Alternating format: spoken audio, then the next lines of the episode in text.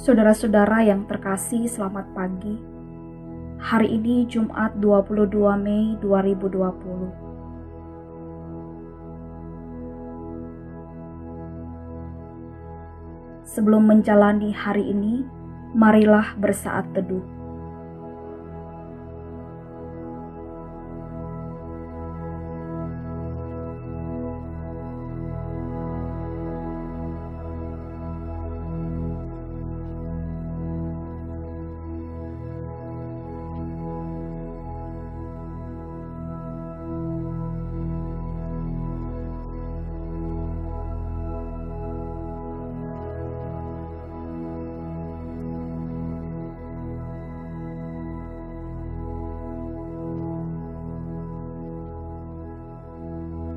Mari berdoa. Ya Bapa, terima kasih untuk hari yang baru. Nafas hidup dan kekuatan yang Tuhan berikan bagi kami. Kami akan kembali belajar firman-Mu pagi ini. Tolong kami agar kami dapat mengerti dan melakukan kehendak-Mu. Amin.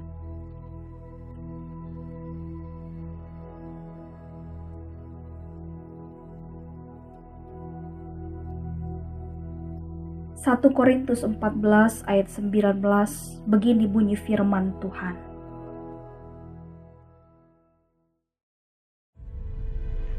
Tetapi dalam pertemuan jemaat, aku lebih suka mengucapkan lima kata yang dapat dimengerti untuk mengajar orang lain juga, daripada beribu-ribu kata dengan bahasa roh.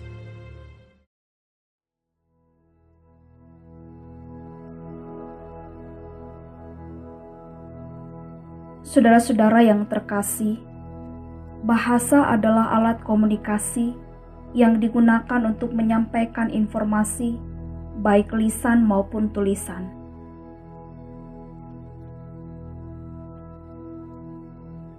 Sebuah penelitian menunjukkan bahwa ada kurang lebih 7.000 bahasa di dunia dan digunakan hampir 7 miliar orang.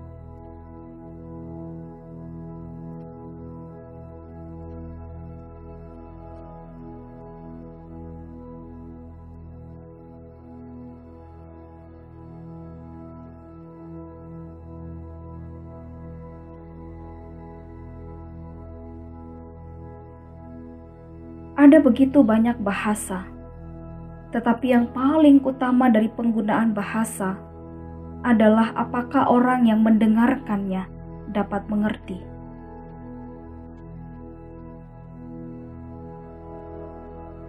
Penggunaan bahasa yang tidak tepat dan tidak bisa dipahami oleh orang lain adalah sia-sia. Contoh, saudara tidak sengaja menabrak seseorang saudara harusnya berkata, "Minta maaf," tapi yang terucap adalah "thank you".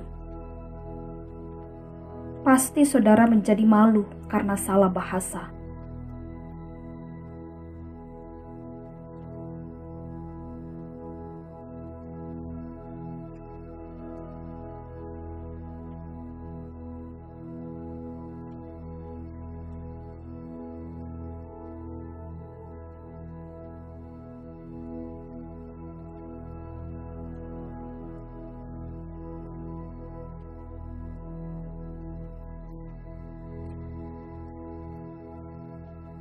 Dalam bacaan pagi ini, Rasul Paulus mengingatkan jemaat di Korintus agar mereka menggunakan karunia berbahasa roh dengan tepat, sehingga karunia itu dapat membangun iman orang yang mendengarkannya.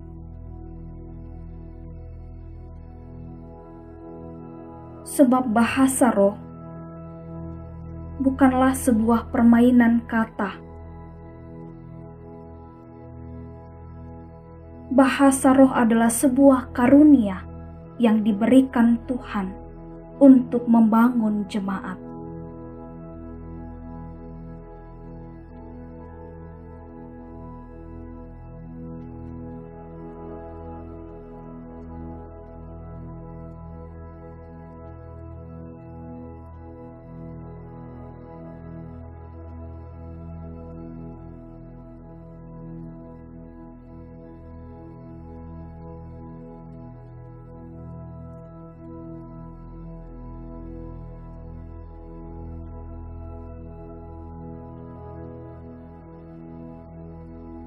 Menurut Paulus, berbahasa yang baik dan bisa dimengerti oleh orang lain akan jauh lebih bermanfaat daripada ribuan kata tapi sulit dipahami.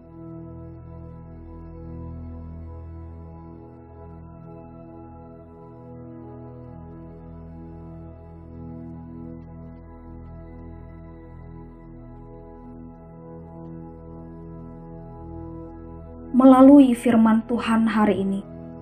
Kita semua diajak untuk menggunakan bahasa dengan baik, benar, dan tepat, tidak hanya dalam pergaulan sehari-hari, tetapi terutama dalam pelayanan, persekutuan, dan kesaksian kita.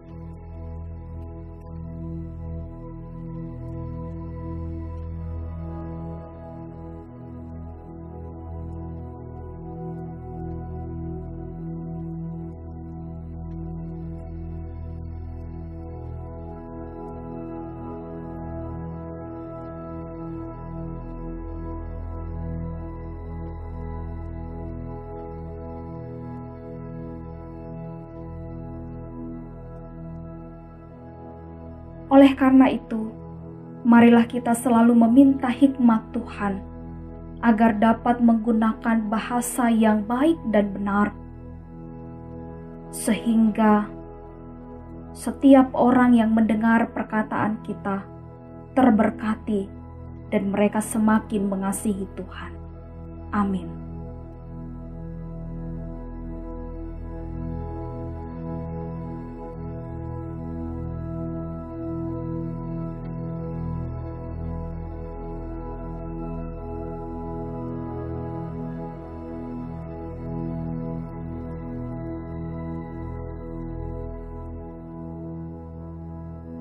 Mari berdoa.